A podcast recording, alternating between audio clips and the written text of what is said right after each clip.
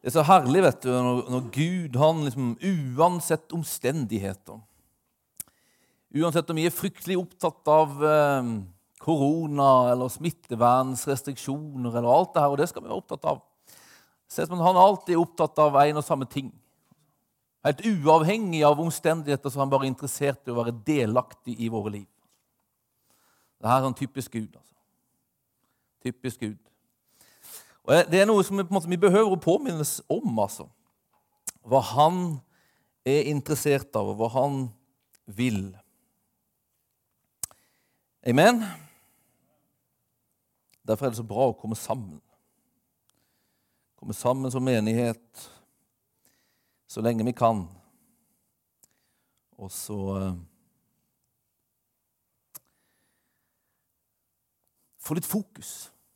Altså Få hans perspektiv på ting.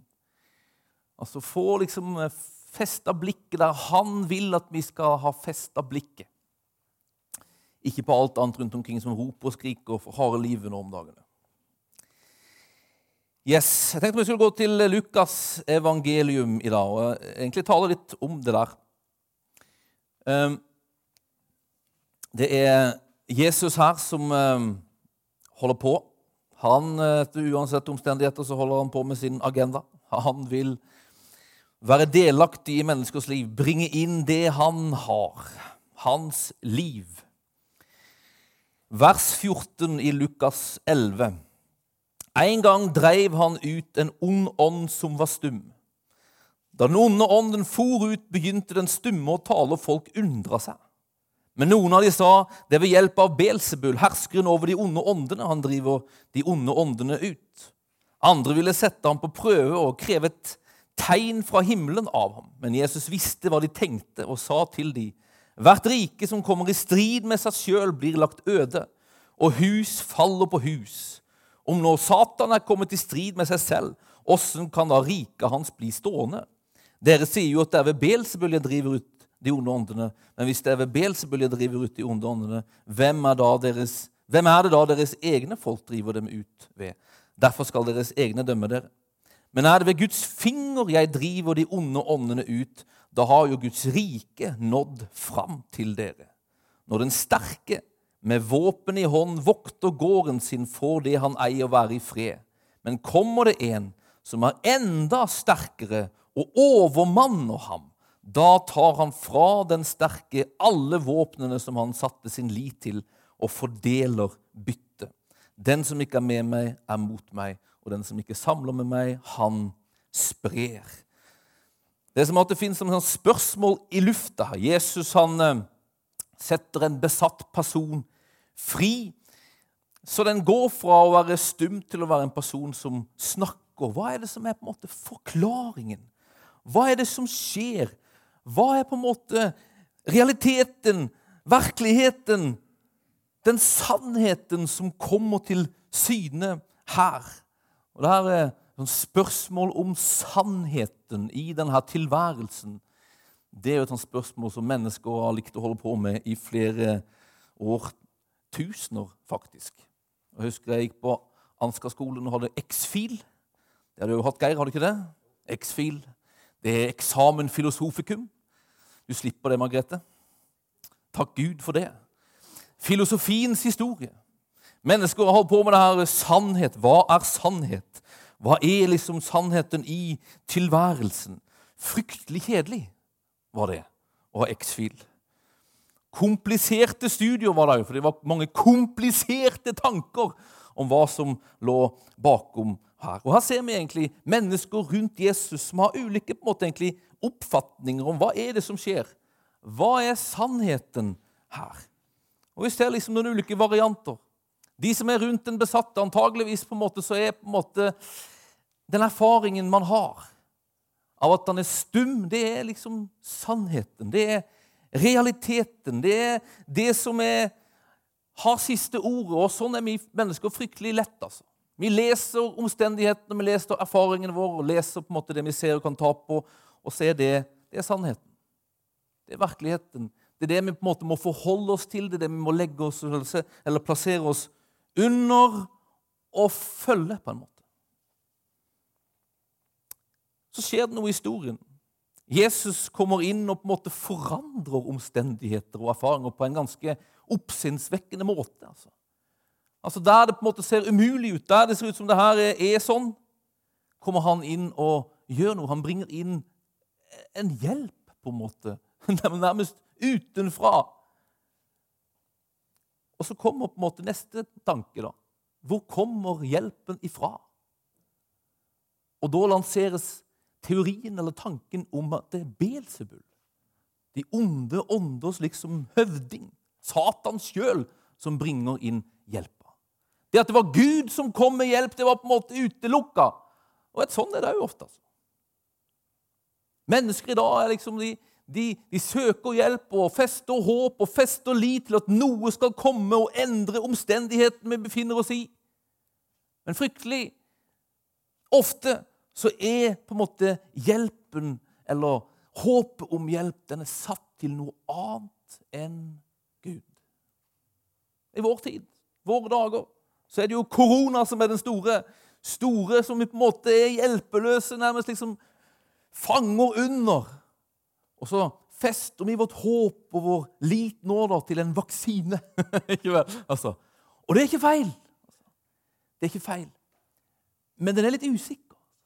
Og vi fester den til smittevernrestriksjoner. Og det er ikke feil, men det er noe usikkert der. Altså. Og så kommer Jesus, da, og så kommer han, og så bringer han inn en hjelp. Og så, når de kommer med sine tanker om hva det er nå, hvor kommer denne hjelpen fra, hvor er kilden vår, så bringer han inn sannheten. så bringer han inn sannheten. Så peker han på, på det urimelige i det de har lansert. Så peker han på det, det, det bristfellige i det som er lansert. Og så kommer han med det som er den åndelige faktisk realiteten bak det som nå skjer. Den åndelige realiteten bak det som nå skjer, det er at det her skjer ikke med noen onde ånder, for det er urimelig, sier Jesus. Skulle de onde åndene drive ut de onde åndene? Det er fullstendig ulogisk. Nei, det er Guds ånd som nå er virksom. Og hvis Guds ånd er virksom, sier Jesus, ja, da har jo Guds rike kommet til dere. Guds rike er kommet til dere. Og det kommer gjennom en person som ikke er, veik, og som ikke er svak, og som ikke er maktesløs, men som er sterk. Ja, han er til og med enda sterkere enn han som hadde vært manifestert i denne besatte mannens liv som veldig sterk. Og Jesus sier, hvis det nå er sånn at Guds rike er her, så er det sånn at den sterke, ja, han har makt. Han han, så lenge han på en måte får være i fred, og så lenge han får, får ha sin makt og vokte gården sin, så er det på en måte sånn det er. Men kommer det en som er enda sterkere, så skjer det noe. Og Det er egentlig det Jesus sier her. Det som gjør at denne mannen har vært plaga og bunden, det er at den sterke har bundet ham. Den sterke har hatt våpen som har gjort at han har kunnet utøve makt over denne mannen. Men nå, sier Jesus, nå har den enda sterkere kommet. Det er forklaringen på det som nå skjer, sier Jesus. Det er at den som er enda sterkere, har kommet og bundet den sterke. Og når den sterke er bundet og gjort maktesløs, da kan den enda sterkere fordele. Den bildet han tegner opp, det er som at denne sterke har hatt makt, har hatt fanger. Og så kommer den enda sterkere, binder den sterke og fordeler byttet. Det er som å leke cowboy og indianer vet du, når man er liten. Så har man ulike leirer. Og så tar man fanger. Og så om, Hvis man skulle klare å befri de som var, liksom, var vennene dine, og på, liksom, i fangenskap, da måtte man først, først liksom, utmanøvrere de som sto som voktere. Men når man hadde bundet den Av og til lekte vi til med at vi bandt folk. Jeg vet ikke om dere gjorde det. På min tid gjorde vi det. Vi bandt dem, og Var vi indianere, så bandt vi dem til totempel. og når de var bundet til totempelen, da kunne vi ta tilbake alt det som på en måte var vårt. Altså. Og det er bildet her. altså. Bildet er på en måte at Jesus sier sånn Det som skjer her nå, det som skjer, det er at Guds rike er her. Og det som skjer når Guds rike er her, det er at det finnes en her som har makt. Han har makt. Han har makt. Og det er utrolig viktig å påminne seg om i våre dager. Han har all makt, sang vi. Han har all makt. Det er jo interessant det her med korona, for det betyr jo krone. Peker på makt. Men det fins en som har all makt. Som har en krone. Som er langt mer på en måte majestetisk og mektig enn en virus som ser ut som en krone. altså, han har makt. Husk på det. Han har all makt. Han har all makt. Jeg har uh, hatt uh, prekentrening med bibelskolen her. Et Kete her, så jeg må bare på en måte få følge liksom, preken, liksom, modellene som man skal følge. Med innledning og tre punkter og avslutning. Så det var min innledning, og nå kommer punkt én, og det er nemlig akkurat det at Jesus han har vunnet seier. Og Det er så utrolig viktig å påminne seg om. Altså. Jesus han har vunnet seier, og han vil at den seieren skal få være en realitet for oss. Altså. Skal være synlig for øynene våre. Siste søndag så talte Elisabeth nydelig altså, om det her med, med, Guds ord og det med å, å ha åpenbaring om Guds ord og se på en måte at han, hvem han er, og hva han vil får liksom det her, er hjelpen av Gud til å se. Altså. Og det her, akkurat det her, at han har vunnet seier, det er sånt, sånn greie som er så utrolig viktig at vi får hjelp til å se altså, ut fra Guds ord. Og et av de stedene som, som, som egentlig tydeligst liksom maler det opp, det står i Kolossebrevet kapittel 2, vers 13 til 15. Det er det som står på veggen der akkurat nå. Dere var døde på grunn av misgjerningene og deres uomskårne kjøtt og blod. Men han gjorde dere levende sammen med Kristus da han tilga oss alle våre misgjerninger. Gjeldsbrevet mot oss sletta han, det som var skrevet med lovbud. Han tok det bort fra oss da han naglet det til korset. Han kledde maktene og åndskreftene nakne og stilte dem fram til spott og spe da han viste seg som seierherre over dem på korset. Da han viste seg som seierherre, står det. Men Bokstavelig så står det at han triumferte. Og det Paulus faktisk gjør, det er at han sier sånn hmm, Lurer på åssen jeg skal på en måte få malt opp det her, få beskrevet det tydelig nok for de jeg skriver til nå at han har vunnet seier på korset. Så sitter han og tenker. Så tenker han, Jeg skriver til, en, til Kolosse. Det var en sånn romersk by som på en måte var en sånn viktig sånn romersk by. Hva er bildet de forstår? Hva er liksom bildet fra de sin liksom hverdag de sin tilværelse som kan peke på at Jesus har vunnet seier aller tydeligst? Jo, tenker han, det er triumfen Triumfen det handler nemlig ikke, det er ikke, det er ikke noe sånn lodd. Er ikke det sånn lodd? Nei, det er ikke et lodd. Det er sånn, det er sånn kort, er det ikke det? Trumfkort. Det er langt mer enn det, altså. Triumf, det var på en måte egentlig liksom den, den, den, den, fremste måten man i det romerske imperiet kunne demonstrere en seier. Om en general eller stridsherre, eller kanskje aller helst keiseren, hadde leda den romerske armeen i strid ut på fremmed mark Man hadde liksom beveget seg utover det romerske imperiet, man hadde møtt på mektige fiendekonger og, og, og, og, generaler, og sånn der, og så hadde man vunnet en seier for det romerske riket som innebar at man på en måte utøkte eller inntok ny makt. Ny mark. Hadde man oppnådd det, da kunne man få innvilga et triumftog. Og triumftog, en romersk triumf, det var en sånn demonstrasjon. Det gikk til sånn at man kledde Rom i fest. Det var 17. mai-stemning i Rom på de dagene.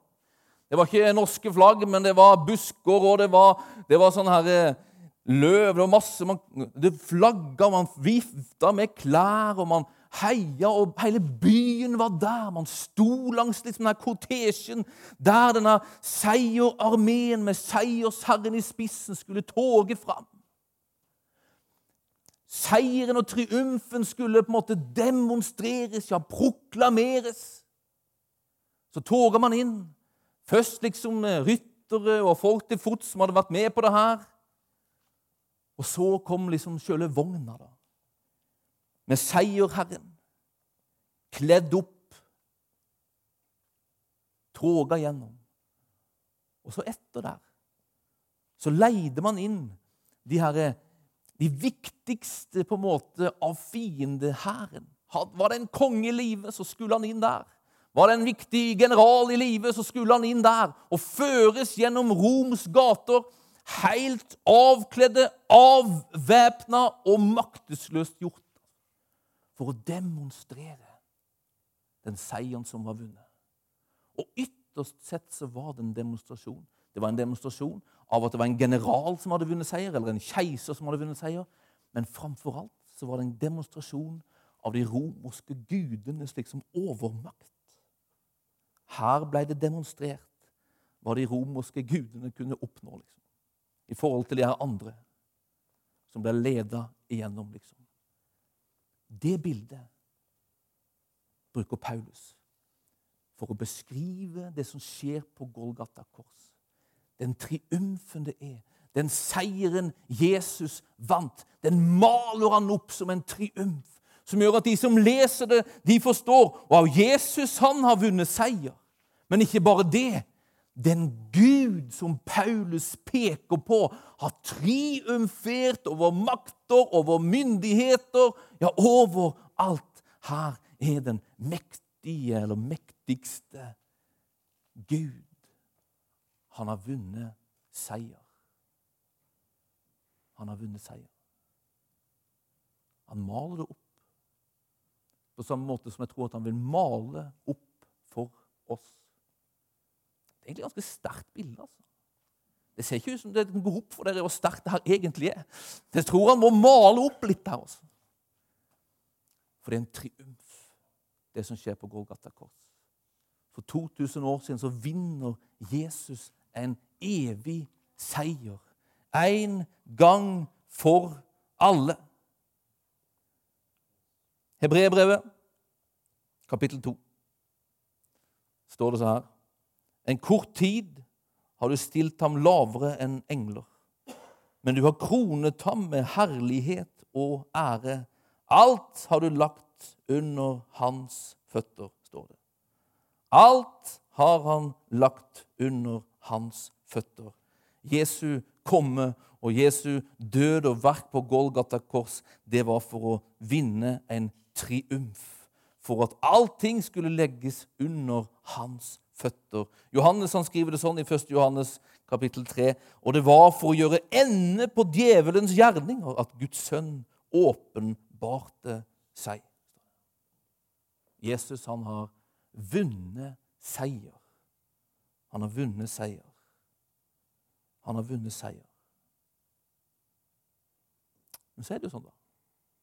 Hvor er denne seier? Man sitter liksom og hører Jesus har vunnet seier. Og det er herlig at han har vunnet seier. Men korona er jo fortsatt der. Fortsatt driver vi liksom og, og kjenner på det. Jeg, ringte, eller jeg fikk telefon fra Sverige da, min kamerat i Sverige. Han, han var ute i skogen og gikk. Og så sa han sånn Ja, nå er vi ute i skogen her, og vi er fullstendig omringa av korona. sa. For da, for da var det på en måte langt inn i familien. altså. Så sitter folk Sverige er jo ekstremt. altså. Alle har jo korona i Sverige. Så det kjennes, altså. Det kjennes at det er noe i denne verden som enda ikke er lagt under hans føtter. Og det er på en måte tar meg etter hvert til punkt nummer to. Vi leser det i hebreerbrevsteksten der. Da Gud la alt under ham, da var ingenting unntatt. Alt skulle underlegges ham. Så det var ikke sånn på en måte at verket og seieren var på en måte et sånn halvveisverk eller delvis verk der korona på en måte ikke var inkludert. Men så står det ennå kan vi ikke se at alt er lagt under ham. Punkt to, altså. Vi ser enda ikke at alt er underlagt ham. Dette er jo på en måte det spesielle med egentlig det kristne liksom, budskapet og Nytestamentet lærer. For Det nye testamentet det sier helt enkelt Jesus har vunnet seier. Han har fullbyrdet et verk på Golgata kors. Triumfen, den er vunnet. Men allikevel ikke helt enda. For Samtidig som det peker på at det, at det var en dag på Golgata kors for 2000 år siden, da seieren ble vunnet, så peker den samtidig framover Det nye testamentet om en ny dag, en Herrens dag, da Jesus skal komme tilbake åter igjen, eller atter igjen. og ikke fullbyrde det, men det er det som skjedde og ble fullbyrda for 2000 år siden, skal fullkomnes. Og bli en realitet helt og fullt. Og det er jo på mange måter vårt håp. da. I denne tida liksom, der vi kjenner på at vi, vi lever med ondskap rundt omkring oss, og langt inn i livet vårt så fester vi vårt håp til en dag der framme, så skal vi slippe det. Så skal vi erfare denne, det her fullkomne Denne seieren. Vi prater i begravelser så prater vi om at nå nå er de på et bedre sted. Nå er de i, i himmelen, der ingen sykdom fins, der ingen ondskap fins. Ikke vel? Så det fins noe der framme som vi på en måte fester vårt håp til. Samtidig så fins det noe her bak som beskrives som fullbyrda, fullført, og som en triumf større enn noen ting annet. Alt er ferdig for 2000 år siden. Men samtidig enda ikke helt. Det her kanskje du kjenner igjen, Margrethe. Det kommer iallfall på første året på Ansgar. Allerede, men enda ikke. Så vi lever på en måte en sånn midt imellom. Midt imellom et allerede, men enda ikke. Åssen forholder oss vi, vi oss der? Og kanskje enda viktigere åssen forholder Gud seg der? Hva holder han på med nå? Han gjorde noen ting da. Og så skal han gjøre noen ting der framme. Men nå, da? Hva gjør han nå?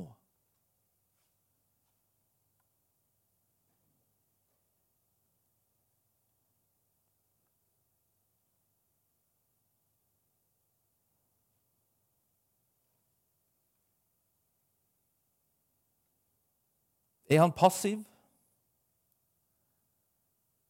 Er han uh, ventende? Eller gjør han noe? Eller gjør han noe? Han gjør noe. Han gjør noe. Den der salma som det siteres fra i, i Hebreerbrevet kapittel 2, det er salme 110.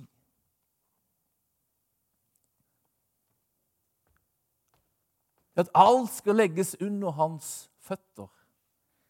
Det er sitat fra Salme 110. Og Salme 110 det er på en måte det stedet i Det gamle testamentet som oftest siteres i Det nye testamentet. Ingen andre steder i, i, uh, i Det gamle testamentet siteres i det nye. Så når de bruker liksom og siterer og henter ting og henter ting som på en måte er viktige, så henter de ting aller mest fra Salme 110. Vers 1 står det 'Herren sier til min Herre' står det. Sett deg ved min høyre hånd til jeg får lagt dine fiender som skammel for dine føtter. Men så står det ikke riktig det på hebraisk. Så står det 'Sett deg ved min høy høyre side imens', står det der. Jeg legger alle ting under dine føtter. Imens. Altså, det fins på en måte et, et da. For 2000 år siden. Og så fins det et skal komme. Men så fins det òg et imens. Et pågående verk som peker på hva Gud holder på med, hva han har på sin agenda i tiden der imellom. Der han ikke venter, der han ikke sitter 'Jeg har sett det her, Jesus.' Og så kan du vente, og så venter vi bare noen år der foran. Da skal jeg legge allting under dine føtter. Så inntil det, eller til da, så kan du bare sitte og så hviler vi, og så ser vi på at verden sliter, og verden har problemer, og forhåpentligvis så finner de til meg. og Så, liksom, så blir Gud nesten litt sånn, litt sånn passiv. Han sier så her Sitt her mens jeg legger alle ting under dine føtter. Altså, sitt her! Det fullborda verket Seieren du har vunnet, sitt her! Mens den seieren får utbre seg. Mens det her riket som nå er etablert og kommet nær, får utbre seg. Ja, det kommer en tid der det blir fullkomment og herlig. Men Gud er ikke passiv inntil dess han virker for at det rike skal utbres. Han virker for at det rike skal bli erfart. Han virker for at det rike og den seieren han har vunnet, skal bli kjent og smakt og erfart. Han virker for at alle de her tinga som er så mektige, og som står oss imot, og som vil begrense oss og ta livet av oss og, og helt enkelt angripe oss i denne tilværelsen Gud virker for at de kreftene og de maktene skal legges under Jesu føtter. Gud, han har ved Jesus Kristus bundet den sterke. Og hva gjør han nå? Jo, han vil fordele. Han vil betale tilbake igjen det som er stjålet. Han vil gi tilbake igjen det som er stjålet. Og Det er det som skjer på en måte når, når synd og ondskap og, og, de kreftene på en måte får virke. Så stjeler det. Tyven er ute etter å stjele, myrde og ødelegge, sier Jesus. Men jeg er kommet for å gi liv. Jeg er kommet for å gi liv tilbake igjen. Det er hans agenda. Og det som skjedde for 2000 år siden på Golgata kors, det skapte forutsetningen for at det kan skje. Den onde er beseira. Den sterke er bundet, og det gjør at byttet kan betales tilbake. igjen.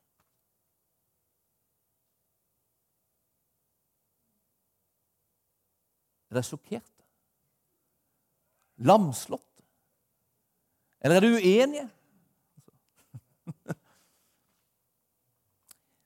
Det Gud holder på å gjøre.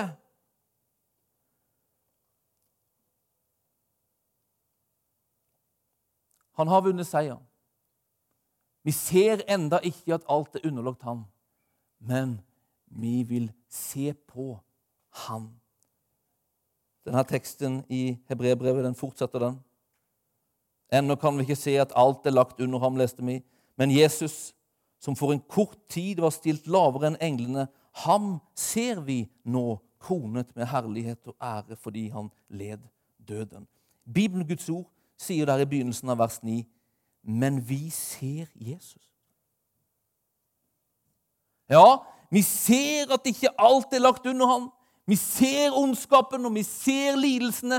Og vi skal på en måte ikke fornekte det, for det er en del av denne tilværelsen. Det fins på en måte noe som enda ikke er, og som ikke blir før vi er der foran. Men det er så utrolig lett at det er det vi står og ser på. Det er det som får vårt liksom, fokus. Ja, vi ser det, at ikke alt er lagt under hans føtter. Og så blir det en slags Men en gang der foran så fester vi blikket der. Og det er bra, og det skal vi gjøre. Men i stedet for å se så mye på det som ikke er rundt oss, som ikke er manifestert, så at vi blir motløse og passive og bare lengter oss egentlig herifra, så er kallelsen fra Gud å se på Jesus. Fordi det verket han fullbyrda for 2000 år siden, den seieren han vant den herre, den herre, Han bandt den sterke. Han vil at imens tida går, og imens vi venter på det skal bli fullkomment, så vil han legge ting under seg. Altså. Han vil utbrede her riket. Altså. Han strei, han. altså. Han kjempa på korset for oss. Han vant seier på korset for oss. Og på en måte så er det på en måte som han fortsatt strider. Ikke på den måten at ikke han har vunnet, men han er på en måte på, på, på, han er ute etter at den seieren han vant, den skal ha framgang nå. Altså. Imens vi venter. Og det er der vi som Guds folk er kalt til å ha et fokus, altså. Ha et fokus. Og det er som at Gud liksom midt i alt det her da, Vi kommer hit i dag, ja, ja, så er det fokus på antall og fokus på smittevern og fokus på korona. og Jeg har hatt telefonsamtale med Sverige da, korona var inne overalt. og Det er så, så lett, altså. Og så kommer han her, da. Og så er det jo ikke budskap som kommer, handler ikke om at ja, ok, se dere rundt og se hvor vanskelig det er se på en måte, og, og, liksom, og, og skummelt og det og stort det er. Det er jo ikke det. Nei, bare fortsetter, han, som han gjorde før korona, og som han kommer til å gjøre etter korona. Det er å si 'se her'. Se her. Se på meg. Se på det verket som jeg gjorde på Golgata kors. Ut fra det verket så strømmer alt liv du behøver. Ut fra det verket så fins det en, en, en, seier som er akkurat den du behøver. Ut fra det så er alt du trenger, kjøpt og betalt. Se på meg. Kom til meg. Se på Han. Se på han. Se på han. Se på han. Vet du, vi ser på han, det er da den seieren kan få utbre seg. Det er når Miriam ser på han, hun kan fange opp hva han vil gjøre, og formidle det på en sånn måte at Wow, her oppstår det en kontaktpunkt mellom oss og han som gjør at hans liv, det her riket, kan få manifestere seg i våre liv.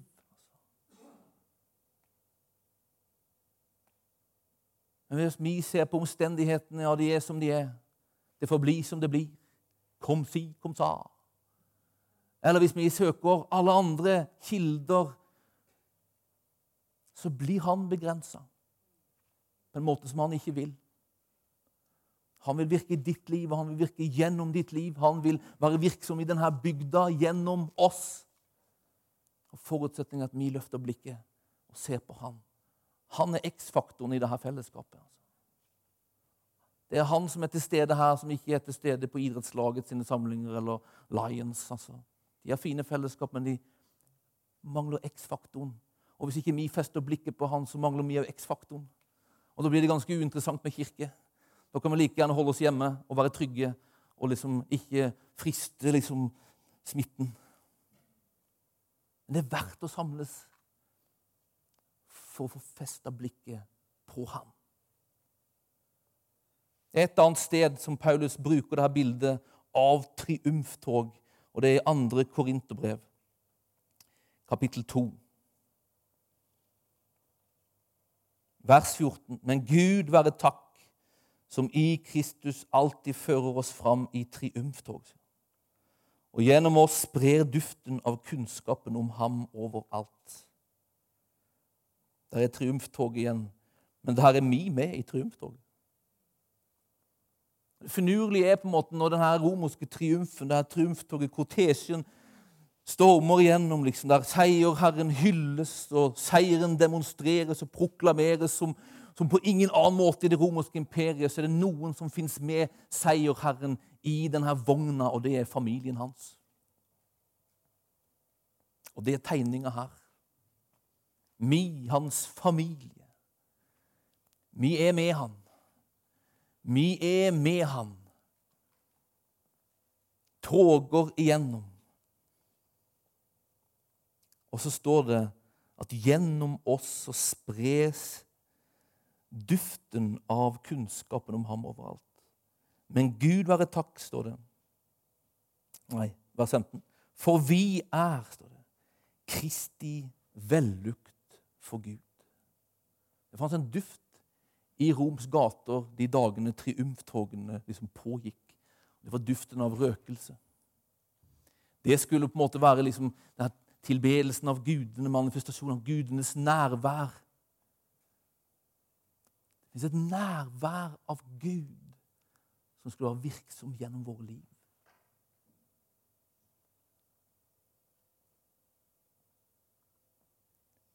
Røkelse var jo på en måte et uttrykk for tilbedelse.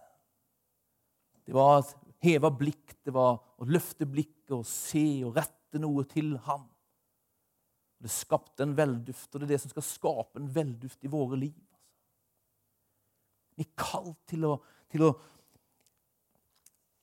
triumfere med han. Vi er kalt til å utbre kunnskapen om han, ja, erfaringen av han. Vi er kalt til å forkroppslige han i denne verden på en sånn måte at han kan bli kjent, at han kan bli smakt, at han kan bli lukta i denne verden. Det skjer gjennom forkynnelse, det skjer gjennom håndspåleggelse som i stad, men det skjer på masse, masse ulike andre måter òg. Og det skjer, tror jeg, gjennom at vi blir bevisste på det. Jeg er med Kristus. Jeg har triumfert med Han, og jeg er oppfylt av Han, og jeg er fokusert på Han. Og jeg bringer Han til min verden. Da blir vi en velduft for Han. Jeg hadde en interessant prat med en elev her tidligere i uka. Hun, hun sa at jeg, lengter videre etter å, etter å bringe Gud nærme folket. Vi har ikke en Gud som, som på en måte sitter på tronen. Han har vært på jorda, han har fullført et verk for 2000 år siden, og nå sitter han passiv i himmelen og venter til en dag da han skal komme tilbake. Nei, han er aktiv i dag og vil komme nær mennesker i dag. Og han vil det gjennom oss. Og hun sa så her Ja, jeg jobber i helsevesen. og Jeg, ser hvordan mennesker har det. Jeg bare lengter etter å bringe Gud til mennesker i min verden. Og Det gikk inn på meg. Altså. Jeg tenkte det er så sant. altså. Vi er så kalt til akkurat det der. Og så kom jeg på et møte som jeg var på for 2016. Så var jeg på Arken. Og der er avslutningen. Vi er kalt til å bringe en kunnskap om Kristus til den verden vi er satt i. Jeg var på Arken, og det var Johannes Amritzer som talte.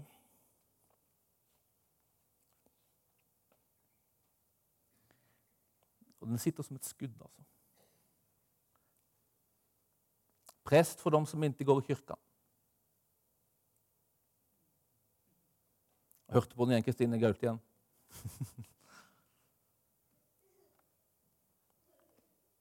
Masse stories, men vi kan ikke dra alt det der nå. Men han drar det ned til at det fins tre punkter på en måte til hvordan vi kan bringe Jesus til mennesker i vår verden. Og det første punktet det var å ha et hjerte for den verden du er en del av. Ha et hjerte for den verden du er en del av. I den verden våg å være annerledes. Våg å være ekte. Våg å bringe Jesus inn. Våg å være troende. Ikke kompromiss, ikke gjør deg til og ikke bli lik den verden, men vær den du er. Vær ekte. Og siste punkten gjør det i det du formidler hans vilkårsløse kjærlighet. Og Så forteller han historien om Linda. Nabojente på 16 år. så hadde han lært kjenne pappaen, eller stepappaen. Det her var en sånn typisk sånn moderne familie med bonusbarn og mine barn og dine barn. og Det var liksom komplett sånn kaos. Lært kjenne stepappaen hans, eller hennes ved postkassene. og så En dag så, så, medgir stepappa at nå skal de få et barn til i familien. Og, og, og Amritz og han tenker sånn at nå skal, skal, du bli pappa igjen? Du er liksom over 40. Nei, det er ikke mi, det er, det er Linda. Og så er det som at denne stepappaen på en måte lekker det og er nysgjerrig på hvordan er pastorens reaksjon på dette. og så sier stepappaen men vi har bestemt oss, vi skal ikke ta abort. Vi skal backe opp. Og så blir det på en måte starten på liksom en prosess der, der Amritz forteller på en måte hvordan han fikk gå nær familien. Bringe styrke opp til pappaen, og så connecte med Linda. Der hun først er liksom veldig skeptisk. Hva skal du nå gjøre? Liksom, hva er holdningen din nå? Og så vokser tilliten gjennom de her månedene fram til barnet blir født. Og når barnet blir født, så, så, så, så feirer han, altså Johannes, den herre barnet som er født. Og så spør han Linda kan jeg få lov til å ha barnevelsignelse for dette lille barnet. De er fullstendig kirkefremmede. Altså. Aldri på en måte liksom vært på kartet med, med dåp og alt sånt der. Men han får lov til det fordi han har vunnet en tillit. Han har vist at han har et hjerte. Altså. Og Når vi viser at vi har et hjerte, så vinnes det en tillit som ingen på en måte, på en måte stenger deg ute. Altså. Og Så har han barnevelsignelse, og beskriver han jeg hadde barnevelsignelse på ekte vis. Og han er ganske sånn her, eh, han er ganske på. Han er liksom ikke, han er liksom ikke sånn her eh, eh, religiøs og høytidelig. Nei, jeg gikk med barnet sånn, og holdt opp. Det var hjemme i stua di, så jeg holdt den opp, og jeg ropte til Gud om at han skulle velsigne det her barnet, og skreik i tunger og gjorde liksom alt som jeg bruker å gjøre. sånn. så, så, jeg var ekte. Og det var ikke noe problem. Fordi hjertet var kjent. Og så velsigner han det lille barnet. Viser en sånn vilkårsløs kjærlighet som jeg tror på en måte er Guds kjærlighet til denne verden. Det er den kjærligheten han vil utbre i den tida vi er nå. For å bringe ut riket. Og så sier Johannes da, søndagen etter barnevelsignelsen i det private hjemmet, så kommer Linda til kirka. Gir sitt liv til Jesus. Og så bringer hun med seg hele venninnegjengen. Så blir frelst hele gjengen. Prest for de som ikke går i kirka. Vi er kalt nær mennesker fordi Gud vil komme nær. Han vil utbre sitt rike inn i din og min verden og inn i menneskene rundt oss sin verden. Og det er vi som er kalt til det. Det er vi som skal være hans velduft i denne verden. Og det begynner med et blikk opp. Det begynner med å se ham. Vi kan aldri ha et hjerte for verden hvis ikke vi blir ramma av hans hjerte. Det er han som har et hjerte for verden. Vi våger ikke være ekte engang hvis ikke vi ser han på en sånn måte at han gjør oss trygge. Og så kan vi aldri formidle hans vilkårsløse kjærlighet uten å sjøl bli ramma av den.